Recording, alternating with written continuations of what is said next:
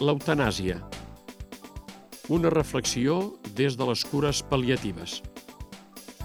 Article del doctor Miquel Domènec Mestre, metge especialista en geriatria, màster en cures pal·liatives. Al mes de desembre del 2020 es va aprovar al Congrés dels Diputats el primer pas dels tràmits parlamentaris de la llei de despenalització de l'eutanàsia, restant pendent el seu pas pel Senat. Aquest darrer pas, però, es pensa que no modificarà substancialment la llei. Un concepte important.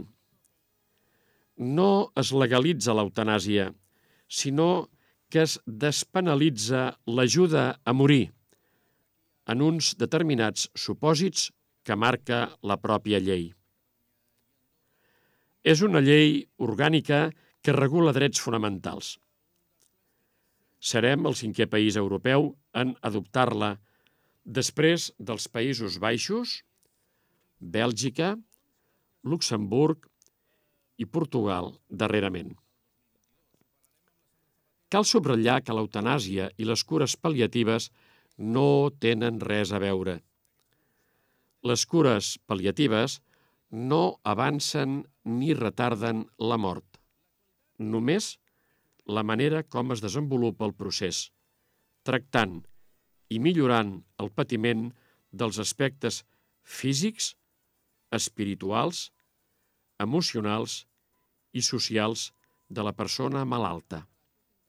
Treballant personalment molts anys en un equip especialitzat en el tractament i acompanyament de persones que pateixen una malaltia avançada, ja sigui en fase pal·liativa o en fase terminal, les demandes d'eutanàsia en la pràctica clínica assistencial sí que han existit, però han estat escasses. En un estudi recent, en el nostre país, la freqüència de petició conscient i raonada en malalts de càncer plenament competents era d'un 1,4% del total. En llocs on està despenalitzada des de fa anys, com Bèlgica i Països Baixos, ronda entre el 3 i el 4%. Ens agradi o no, la llei ha vingut a quedar-se entre nosaltres i ens afectarà plenament en la nostra tasca clínica habitual. Seran peticions poc freqüents, però els àmbits on el vincle amb els malalts i llurs famílies és molt intens, penso sobretot en els equips d'atenció primària, de cures pal·liatives, serveis d'oncologia, medicina interna, etc., seran els que rebran major impacte de peticions. La literatura també mostra que la major part dels malalts als quals s'ha aplicat l'eutanàsia havien rebut prèviament tractament de cures pal·liatives. A Holanda, els equips d'atenció primària, seguits pels equips de cures pal·liatives, són els que més han d'afrontar aquesta situació.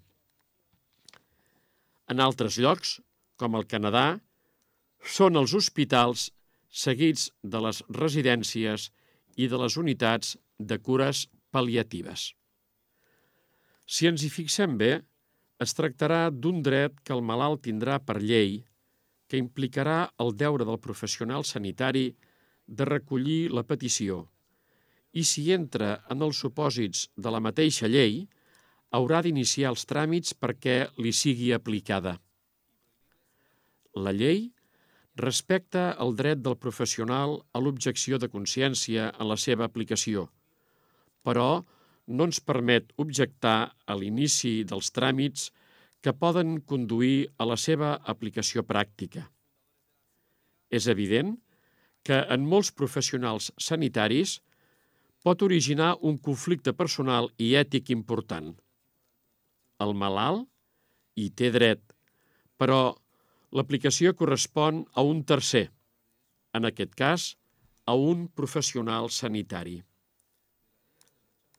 Els professionals de cures pal·liatives, per la pròpia competència professional, estan habituats a tractar amb una visió global els diferents problemes d'una malaltia que pot conduir a la mort.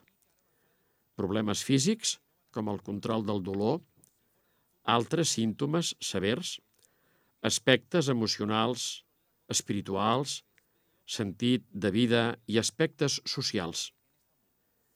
Certament, l'expertesa porta a, a controlar una gran part de símptomes, tant físics com emocionals o espirituals, però en un determinat nombre, entre el 10 i el 15% dels casos, els símptomes poden ser refractaris en el seu control. En aquests casos, la sedació pal·liativa és una de les solucions que es proposen si el malalt o els seus representants ho accepten. Hi ha diferències significatives entre la sedació pal·liativa i l'eutanàsia. En els seus objectius, millorar un patiment versus provocar la mort. En el procediment, utilització de dosis de fàrmacs que milloren el patiment versus fàrmacs i dosis que provoquen la mort. I en el resultat, disminuir la consciència fins a lleugerir el patiment amb la sedació versus provocar directament la mort amb l'eutanàsia. Un comentari important. La resposta urgent a les necessitats socials dels malalts i famílies va un pas molt endarrerit a la dels altres aspectes que els equips poden oferir. Massa sovint, observem com la resposta a les necessitats socials arriba tard i malament a causa dels tràmits burocràtics, ocasionant un sofriment que podria ser evitable. Hem de ser conscients, ens agradi o no, que l'evolució social dels principis morals com a tals ha fet canviar la visió sobre el dret a morir. La capacitat de l'individu de prendre les pròpies decisions expressades pels principis bioètics d'autonomia, respectar el pensament lliure d'altri, i de beneficència, principi individual, cadascú sap què és bo per a ell, passen a ser considerats d'un nivell superior de valoració en els àmbits de la salut.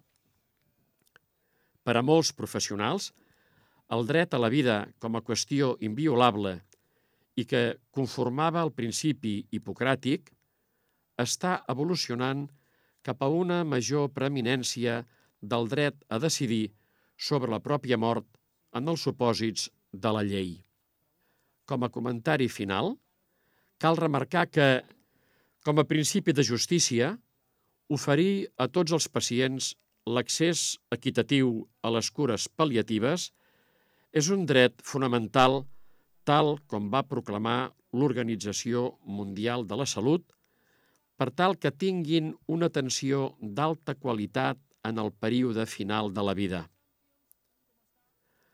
La llei de despenalització de l'eutanàsia restarà entre nosaltres i, com a sanitaris, ens afectarà en la pràctica clínica. Com a professionals, estem tots obligats a una intensa formació en els aspectes d'aquesta llei i, sobretot, en la bioètica. Les cures pal·liatives, doncs, hauran d'afrontar situacions de demanda d'eutanàsia i som una de les especialitats que, per la competència i formació dels seus membres, estan preparades amb l'abordatge clínic de la complexitat de l'ajuda a morir les cures pal·liatives no avancen ni retarden la mort.